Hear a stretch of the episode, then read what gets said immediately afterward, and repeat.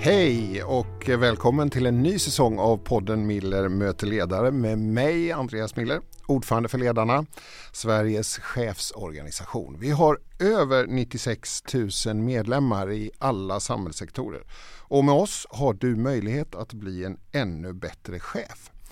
Eh, podden Millimeter ledare, ja den gör vi i en liten ny version idag. Vi sänder live så du som är med oss eh, nu direkt ett extra välkommen. Och sen det här avsnittet, det kommer förstås att finnas där poddar finns sedan. Dagens gäst har ett väldigt stort samhällsengagemang och viktiga insikter med sig från sina många år inom polisen och tidigare chef för Säkerhetspolisen där han ledde arbetet med att skydda Sveriges demokratiska system, den nationella säkerheten och våra, allas medborgares fri och rättigheter. Idag jobbar han som strategisk rådgivare med styrelsearbete och har nyss startat den nya stiftelsen Göteborgs institut för samhällsansvar. Välkommen hit Claes Friberg. Tack så mycket. Jätteroligt att ha dig här. Eh, du, eh, hur är dagen idag? Nej men den är en Stockholmsdag. Tidigt tåg upp till Stockholm och lite engagemang på morgonen för Help Ukraine Gothenburg. Mm. Eh, och sen får jag träffa dig och sen så är det lite andra eh, evenemang här som jag ska delta i på eftermiddagen. Mm. Får passa mm. på när man är i Stockholm. Ja. Mm. Ja. Du Claes, jag blev väldigt nyfiken på dig när jag läste en artikel att du hoppade av jobbet som högsta chef på Säpo eh, jag minns när du hoppade av och tänkte, vad, vad har hänt nu? Vad har han gjort? Och sådär. Men sen kom det en artikel där du lyfte prioriteringen hälsan, familjen och jobbet. Det är ju inte alla som gör den prioriteringen eh, som du gör.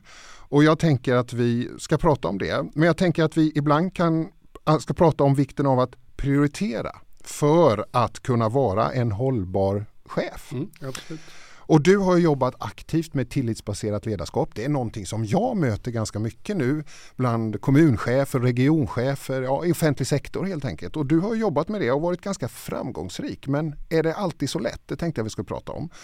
Och så hur arbetar du effektivt helt enkelt med det? Eh, och så vill jag med din bakgrund, för jag vet att du har börjat engagera dig i det här med gängkriminaliteten utifrån dina erfarenheter som polis men också som engagerad samhällsmedborgare. Och det mm. tänkte jag vi skulle prata om. Mm. Vad tänker du om vi rör oss kring de ämnena? Ja men absolut, det blir ett trevligt samtal för mig. ja, vad bra, vad bra. Men du, eh, de som inte har träffat dig förut då? Du startade din karriär som advokat under en period. Vad har du tagit med dig därifrån? Ja, jag, började, jag läste juridik eh, och ja. sen satte jag ting och så började jag på advokatbyrå. Men ja. då är man biträdande jurist. Ja, för att vara jag exakt. Hann, jag hann aldrig bli advokat innan jag började på polischefsutbildningen. Men då var du där på advokatbyrån och Absolut. kände någonting Nej, det är inte det här som är min grej. Jag kände att eh, jag har alltid brunnit för demokratin och liksom stå upp för någonting. Eh, och det kände jag att jag kunde göra mycket, mycket mer när jag jobbade inom polisen som chef. För jag kom in då på polischefsutbildningen. Advokat eller att vara biträdande jurist hade sina stora fördelar också. Men i princip hjälper man enskilda individer och det är viktigt nog. Men polisen hjälper ju eh, i, i, större eh, områden och till fler för att skydda demokratin. Den här skydda demokratin, var, var, var fanns det engagemanget, var kom det engagemanget ifrån? Ja, men från början varit intresserad av politik utan att vara politisk. Eh, och eh, eh, diskuterade mycket politik när jag gick i skolan eh, och även var intresserad av det när jag läste juridik. Och, och, grundstenarna för för ett demokratiskt samhälle är viktigt att, fundera på och reflektera över. För det är inte bara politiken utan jag påstår att det är statstjänstemännen och statstjänstemännens oväld som är grunden för en riktig demokrati. Mm. Men du, alltså, du inte fanns det någon person då? Så där initialt när man växer upp som liksom fick dig att börja tänka, ja men det här är viktigt. Det Nej det var det nog inte, men det var Nej. enskilda händelser ute i världen, inte minst i världspolitiken som jag tyckte mm. emellanåt var lite fel belysta mm. och lite för snäva. Eh, och, och, kan du ge några exempel? Nej, men jag tycker att, att humanistiska frågor, att hjälpa människor på något sätt kidnappades av vänstersidan. Jag tycker att liberalismen och även socialkonservatismen också är väldigt viktig när det gäller att värna enskilda individer. Så att någonstans där fanns jag eh, i början utan att vara då politisk. Hur tycker du det går med liberalismen och socialkonservatismen idag? Ja, men jag tycker att, att det är oroande tendenser. Jag tycker att det dribblas bort mycket i kortsiktiga dagspolitiska lösningar både här i Sverige men också ute i världen. Eh, där, där man tappar grunderna för, för de här olika inriktningarna som jag tycker är, viktiga när det gäller ideologin. Du lade ner mycket tid i polisen, mm. eh, nästan hela ditt yrkesliv kan man säga. Var det ett kall för dig? Nej, det var det inte. Och, jag kan uh, villigt erkänna att jag tänkte inte så mycket på polisyrket när jag läste juridik och inte när jag satt ting heller för den delen. Men det var en insikt som kom in och den fick jag mycket tack vare en kompis som började på polischefsutbildningen några år innan mig. Och jag kände att det här är något för mig. Jag är idrottare i grunden, lagspelare och jag gillar att göra bra grejer med andra människor. Uh, och det kände jag att jag skulle få större, större utrymme in, inom polisen och, och, det fick jag. Jag fick vara med om mycket lagframgångar. Uh, mm. Vad var det där att kliva in i chefsrollen? Vad blev det för dig? Ja, men det blev väl naturligtvis en, en viktig eh, ut, personlig utveckling att, att, försöka tänka sig in i, i att vara ledare för andra. Uh, och sen så har jag nog burit det med mig hela tiden. Jag tycker att eh, jag har försökt alltid att tänka på mina medarbetare när jag framträder antingen mot andra parter eller offentligt. Att jag står här för deras skull och jag tycker att de gör ett fantastiskt bra jobb. Eh, och, och, medarbetarna är hängivna uppdraget att, att skydda och ställa till rätta. Vad skulle du säga om du själv skulle beskriva, vad är, vad är Claes Fribergs styrkor som chef? Ja, eh, jag är bra på att lyssna. Jag påstår att jag har en bra analytisk förmåga att se storheterna, inte detaljerna. Eh, jag eh, är eh, en lagspelare eh, men jag är beredd att ta ansvaret som chef. Och sen tror det eller ej, men jag tror att jag haft nytta av att ha en viss humor.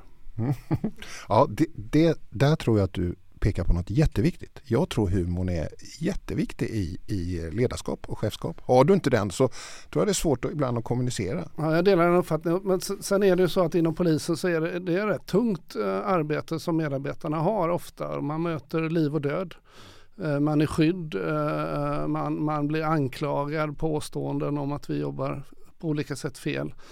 Och då måste man få ta även allvarliga saker i enrum med andra på ett lite humoristiskt sätt. Med en klackspark. Ja. Mm. Du, eh, 2008 så gick du vidare, 2018 ska säga, så gick du vidare från jobbet som regionpolischef till att bli säkerhetspolischef, mm. Säpo. Jag har jobbat på Sveriges Radio tidigare och då ingick man i beredskapsorganisationen och ibland träffade man Säpo som man upplevde som en ganska hemlig organisation, en ganska, av förståeliga skäl. Mm. Men också liksom kanske sådär, vad gör de där bakom den där dörrarna? Mm. Och så. Vad fick dig att ta steget in i den där mer, ska jag säga, hemliga verksamheten av Sveriges polisverksamhet? Ja men det är en utmaning. Eh, det var en ära att bli tillfrågad i det skedet som jag blev tillfrågad. Uh, och jag tycker också att, att uh, även Säkerhetspolisen eh, kanske i ännu högre grad har ju ansvaret för att vi har en, en demokrati i Sverige och skyddar den. Uh, och så det var väl de sakerna som tog det. Sen, sen, har jag bytt olika funktioner relativt ofta. Och jag har funnit att det utvecklar mig som person och ställer mig i nya miljöer med nya medarbetare och med nya uppdrag. Uh, och det har, har, kände jag att det här kommer det här göra också för nu flyttar jag in i en helt ny miljö för mig och med helt nya medarbetare. Vad gjorde du som chef då när du visste att nu ska jag in i ett nytt uppdrag? Vad var det viktigaste för dig? Då? Jag tror att uh, det viktigaste jag sa till mig själv var var det själv. Var det själv? Förställ mm. inte dig när du kommer till den nya verksamheten utan det du tror på, den inriktning som uppdragsgivaren har givit för det här arbetet, se till att hålla men gör det på ditt eget sätt och, och känn dig trygg i det du gör. Nu pratar jag om mig själv i tredje person, det låter förfärligt. men, ja, men, du, men du var... tänkte verkligen, jag ska vara mig själv, jag ska vara Klas nu när ja, jag kommer hit. Jag tänkte att jag har den självtilliten att jag har fått det här jobbet för att de ville ha mig och ministern sa att det var för mina ledaregenskaper. Och då tänkte jag, de har jag ju inte hittat på utan de har jag levt upp till. Så var mig själv. Mm. Och så var du dig själv. Och så var du dig själv så mycket att du började lyssna på ditt inre, kan man säga. Du valde hastigt då, för knappt två år sedan, att avgå. Uh, av privata skäl. Vad fick dig att ta det beslutet? Det var väl eh, ett antal omständigheter men, men eh, jag har sagt till mina medarbetare under väldigt många år att jag har det kravet på dem att de i första hand ska prioritera sin egen hälsa och sin familj och sen jobbet. Och om de gör det i omvänd ordning så blir det inte bra på jobbet. Och det blir naturligtvis inte bra för dem som personer heller. Men jag tänker där, du får ett uppdrag, ett, mm. ett uppdrag som jag tänker, som du sa, var en stor utmaning mm. och en eloge till dig mm. för ditt ledarskap. Mm. Alltså du kliver in i, det är ganska mycket som ska till för att man tänker, nej men jag kliver av det här. Man måste lära sig som chef och ledare att man är inte oumbärlig. Jag lärde mig tidigt inom eh, polisen, det sa de äldre poliserna till oss yngre chefer att ledarna kommer och går men verksamheten den består. Och det, det kan ligga en del i det. Så jag ser mig själv inte som oumbärlig men däremot så ser jag min egen hälsa och mitt liv som oumbärligt eh, i den prioriteringen som jag sa förut. Och, och, då var det, jag hade misskött min egen hälsa. Inte så att jag hade riktigt allvarliga sjukdomar men jag hade inte rehabiliterat, jag hade dåligt samvete. Och sen hade jag min, jag har två, eller hade två bröder, min äldsta bror Hans han fick bli precis 64 år. Han fick aldrig uppleva sin passion. Uh, han hade otur med sjukdomar men han slet och jobbade hela livet och han fick aldrig bli riktigt ledig. Så att jag kände jag, jag är skyldig både mig själv och min familj att jag tar den här chansen. Mm. Men det är ändå liksom, började det gnaga ganska omedelbart eller, eller kom det där liksom, var det en kort period du tänkte och Nej, sen gick det, var, det beslut? Ja, det var eh, kanske någon månadsperiod jag, och det, det här tillkännagav jag ju ganska långt innan regeringen för, eh, för, att jag sa det i god tid så att de skulle kunna utse en ersättare i, mm. i mhm. lugn och ro. Mm. För det tyckte jag att, mina att jag var skyldig mina medarbetare att de skulle inte bli något hastigt eh, utan så regeringen kände till det ganska länge. Uh, men, men uh, visst, jag fick fundera, men när själva beslutet var taget då kände jag att det kan jag leva upp till. Uh, och jag är nöjd nu i efterhand också med beslutet. Var, var det ett svårt beslut? Ja, det är klart det. Jag har lötter på axlarna precis som de flesta andra och naturligtvis en viss stolthet i det att jag hade det jobbet jag hade. Så att i de delarna var det svårt men i livsprioriteringen och balansen var det inte svårt. Var det statusen och positionen som var svårast att montera ner för dig eller, var det, eller vad, vad, vad var svårast? Nej, det var det inte utan det var uppdraget eh, som är ett väldigt fint uppdrag. Mm. Eh, och de, de fina medarbetarna som jag hade på Säkerhetspolisen. Mm. Det är görjobbigt att sluta på Säkerhetspolisen för jag får inte reda på någonting efter det jag slutar. Så hemligt är det och det är så det ska vara. Men det är görjobbigt. Mm. Är du nyfiken? Jag är oerhört nyfiken på allt som händer och har hänt sedan jag slutade. Mm. Tänk, liksom, tänker du när du ser nyheter, ja men måste de ha gjort så här? Jag eller? tänker som vanligt att jag litar inte på nyheterna utan jag skulle vilja reda på vad det var som verkligen mm. hände. Ja, just det. Mm. Det är så vi ska tänka. Så tycker jag. Mm. Du, att prioritera hälsan, familjen och jobbet i den ordningen. Eh, hur mycket kan det provocera? Ja, eh, det, jag tror inte det provocerar allt men det förvånar och jag vet att, att när jag träffar mina gamla medarbetare i Göteborg ute på gator och torg så är det det de kommer ihåg från mig, att jag sa det. De tyckte det var så fantastiskt att en hög chef kunde säga så till dem att de ska prioritera det. Och det tycker jag är otroligt förvånande mm. och riktigt dåligt. Mm. För jag tycker det är det mest naturliga man som chef ska vara, att vara rädd om sina medarbetare. Mm. Och den ordningen, hälsan, familjen och jobbet. Ja. ja. Sen kan man inte i tid och rum eh, alltid leva upp till det utan det får naturligtvis finnas en balans över tid. Men, men med de medarbetare som finns inom polisen och säkerhetspolisen så tycker jag inte att någon chef behöver vara orolig att de verkligen vill göra sitt bästa och göra ett riktigt bra jobb. Mm. Men du, då, om vi bara håller oss kvar lite i det här, hålla balansen. För nu är ju du en, en ganska aktiv person mm. fortsättningsvis. Du, du du är egenföretagare, du är rådgivare, du arbetar med styrelse och stiftelse. Du har varit iväg idag som du inledde med att säga här i ett seminarium på Handelshögskolan och så. Hur fortsätter du då och ha den här prioriteringen hälsan, familjen och jobbet? Eh, hur, har du ett hållbart ledarskap? Ja det har jag. Eh, jag har nog kanske haft det över tid också om man ser det för jag tycker ändå jag har, prioriterat det. Men, men eh, sen var det några år när jag inte gjorde det nej men jag har en, en väldigt ledig kalender. Jag gör mycket olika saker men det tar liksom inte heldagar och veckor utan jag kan prioritera det ganska bra. Så att, eh, jag, påstår att jag jobbar någonstans runt 20-30 procent idag. Och resten kan jag göra eh, bra grejer. Sen allt jag gör idag är roligt. Mm. Men du, om vi skulle vända tillbaka då. Du sa under några år blev det inte så. Mm. När du har analyserat det, Vad var det för faktorer som gjorde att du inte själv gjorde den prioriteringen? Mm. Vad, var, vad, var, det som fick dig att jag inte kom, göra jag, den? Jag kom i otakt. Ja. Uh, jag kom i otakt med att rehabilitera olika typer av skador jag hade och, och satte jobbet lite för långt före egen rehabilitering.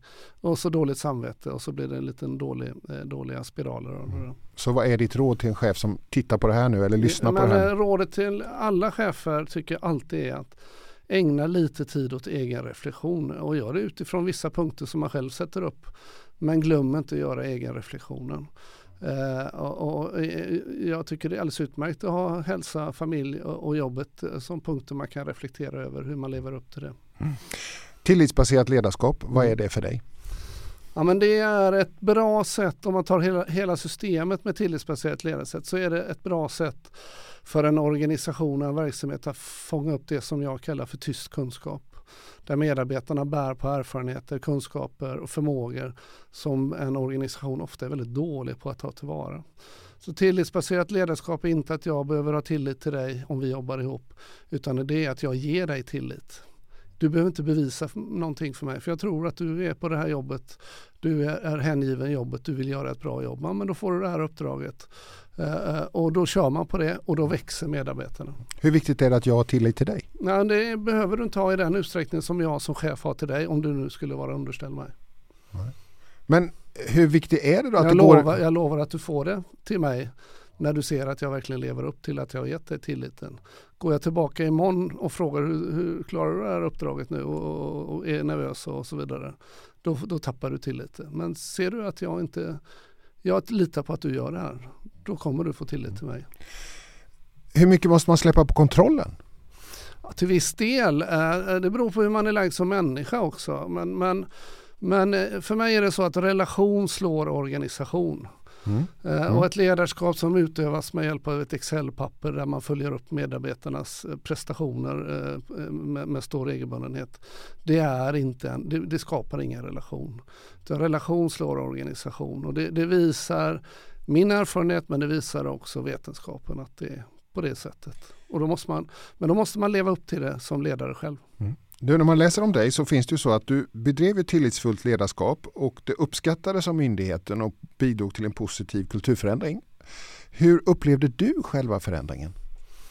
Eh, jag upplever den, jag har upplevt det eh, på olika sätt men framförallt i, i eh, bemötandet från medarbetarna och medarbetarna längre ner. Jag har haft varit strategisk chef och haft många cheflev under mig. Så kontakter med medarbetare långt ut har varit viktigt för mig att känna efter om de märker av att deras chefer har blivit lite mer tillitsfulla och ger dem lite större eh, svängrum i arbetet.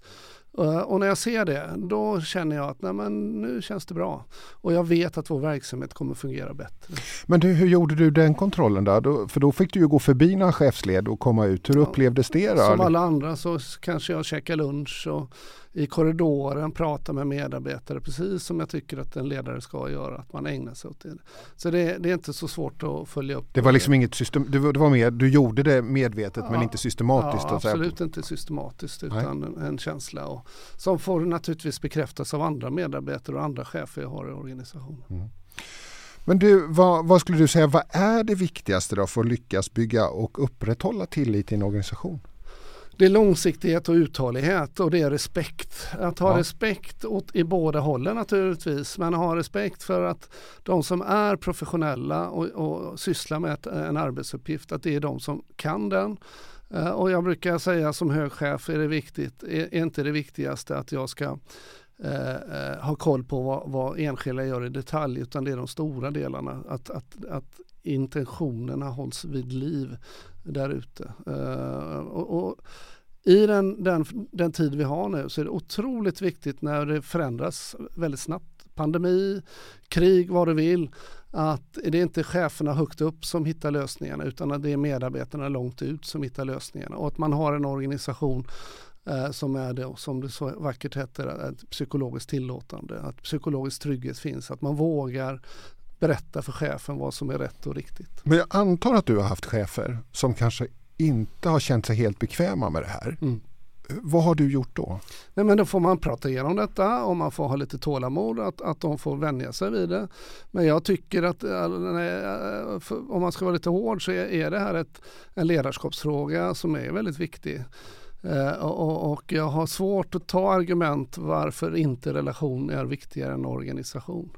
Men det kostar på att vara ledare för du behöver lämna energi hela tiden. Du måste vara närvarande i tid och rum och inte sitta andra tankar när du är med dina, när du är med dina medarbetare och, och, och coacha dem på ett klokt och bra sätt.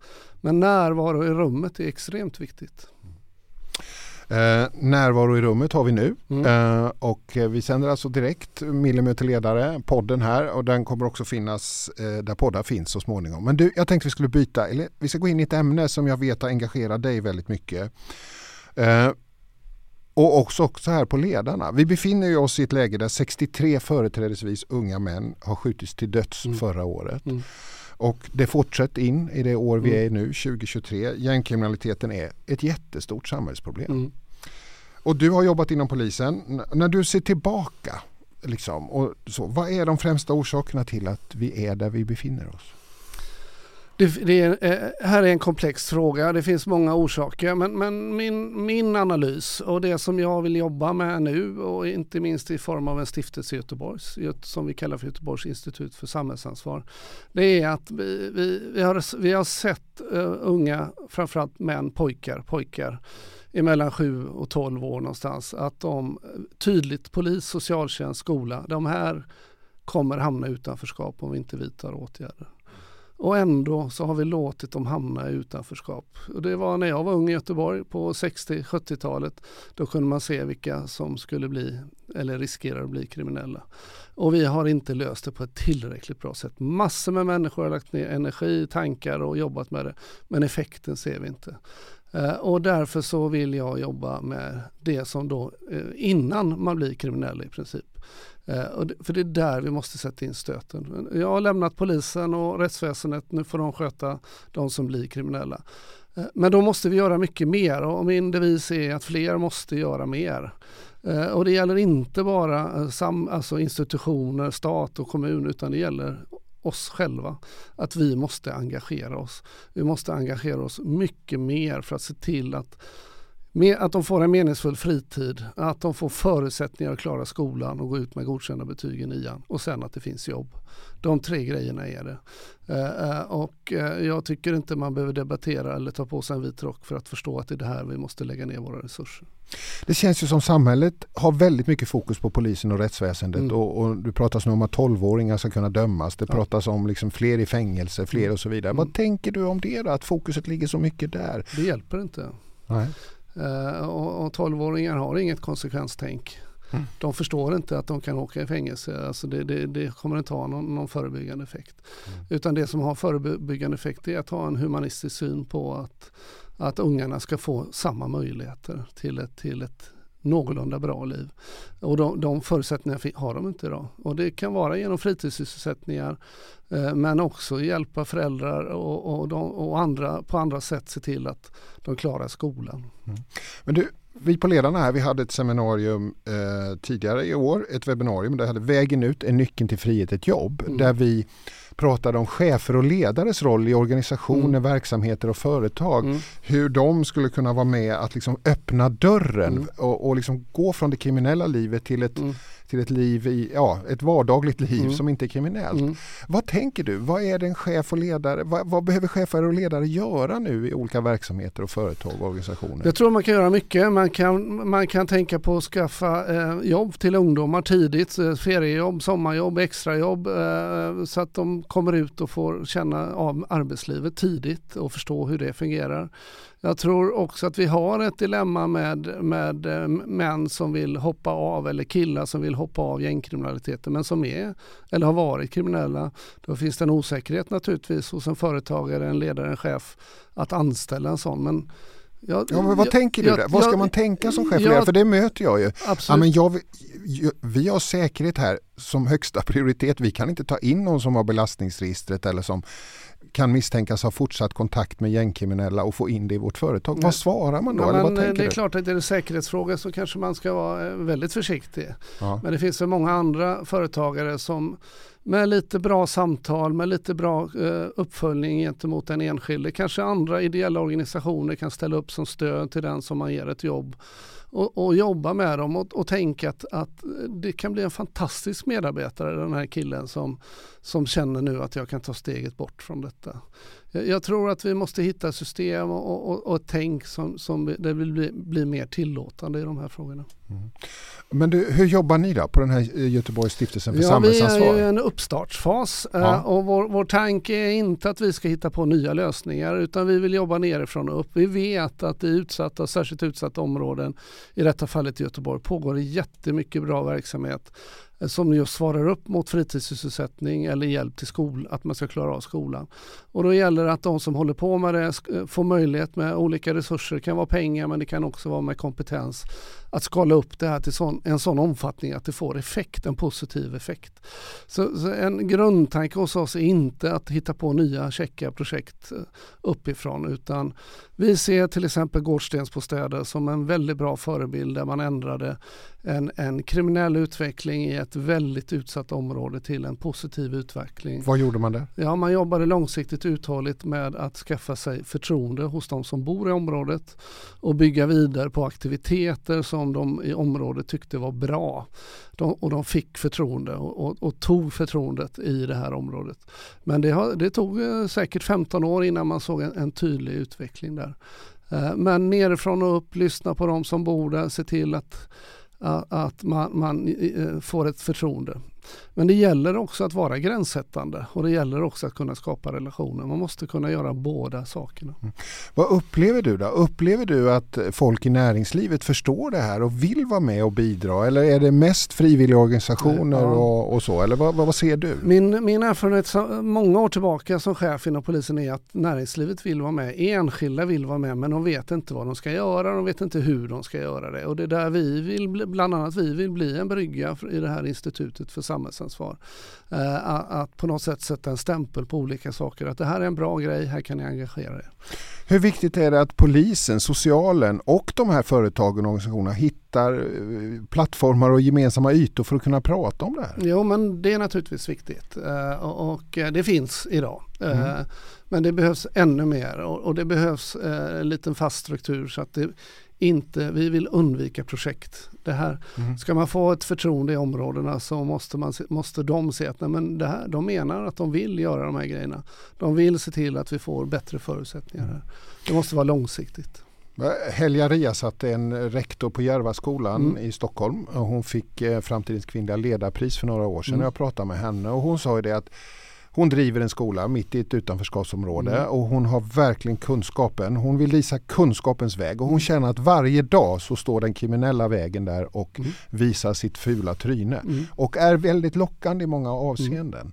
Vad, vad, det är väldigt starka krafter man jobbar emot. Mm. Vad, vad, tänker du om det? Hur, hur, det krävs väldigt mycket tänker jag. Ja, fast eh, å andra sidan så är de flesta ungdomarna i de här områdena de är laglydiga idag. Mm. De vill hålla sig undan det kriminella. De vill göra bra saker. De vill bli arbetare och jobba arbete, bli lönearbetare och de vill betala skatt. Så det går att hålla emot redan idag. En del behöver mer hjälp än andra. Men hur stark, jag tänker du har jobbat inom polisen, du har ju sett den organiserade brottsligheten, mm. du har jobbat på Säpo, du har sett den. Hur, det, man uppfattar ju att det är också en väldigt stark kraft. Alltså det är en väldigt ja, negativ kraft. Jo, det är det, men det är också så att de som finns i den här världen de, har, eh, de är nervrak många av dem. De är rädda för fiender i andra gänget. De är rädda för de som är under i hierarkin som vill åt deras position. De är rädda för polisen och ofta har de narkotikaproblem det, det, är inget kul. Det är därför det är många som vill hoppa av och det måste vi också bli bättre på att ta vara på i Sverige. Mm. Så vad är ditt råd till en chef som lyssnar på det här och tänker att jag ska öppna mitt företag för någon som vill hoppa av? Ja men eh, var beredd på att behöva lägga lite mer eh, tid på en sådan individ. Försök hitta kanske en ideell organisation som kan vara stöttande till den här individen eh, under, under en viss period när de börjar jobbet. Eh, men var, var, var lite uthållig eh, och, och om det skulle misslyckas, ja men då har det misslyckats men man har gjort ett försök och då kanske man kan pröva med någon annan så småningom. Så att man gör en bra insats för Sverige eh, för, och för de här ungdomarna. Claes Wiberg, det går, när man har roligt och det är intressant mm. då går tiden fort. Mm. Vi närmar oss slutet. Jätteroligt att du var med i Tack. vårt första livesända Mille möter ledare. Hur kändes det för dig? Jo men det kändes bra, lite varmt men annars kändes det bra. det är ganska mycket lampor här inne. Utforska gärna hela vår poddserie. Eh, jag har i min roll som ordförande haft förmånen att träffa 50 spännande ledare i olika positioner. Du hittar dem på ledarna.se. Tack för idag. Eh, du har lyssnat på Millemöter ledare.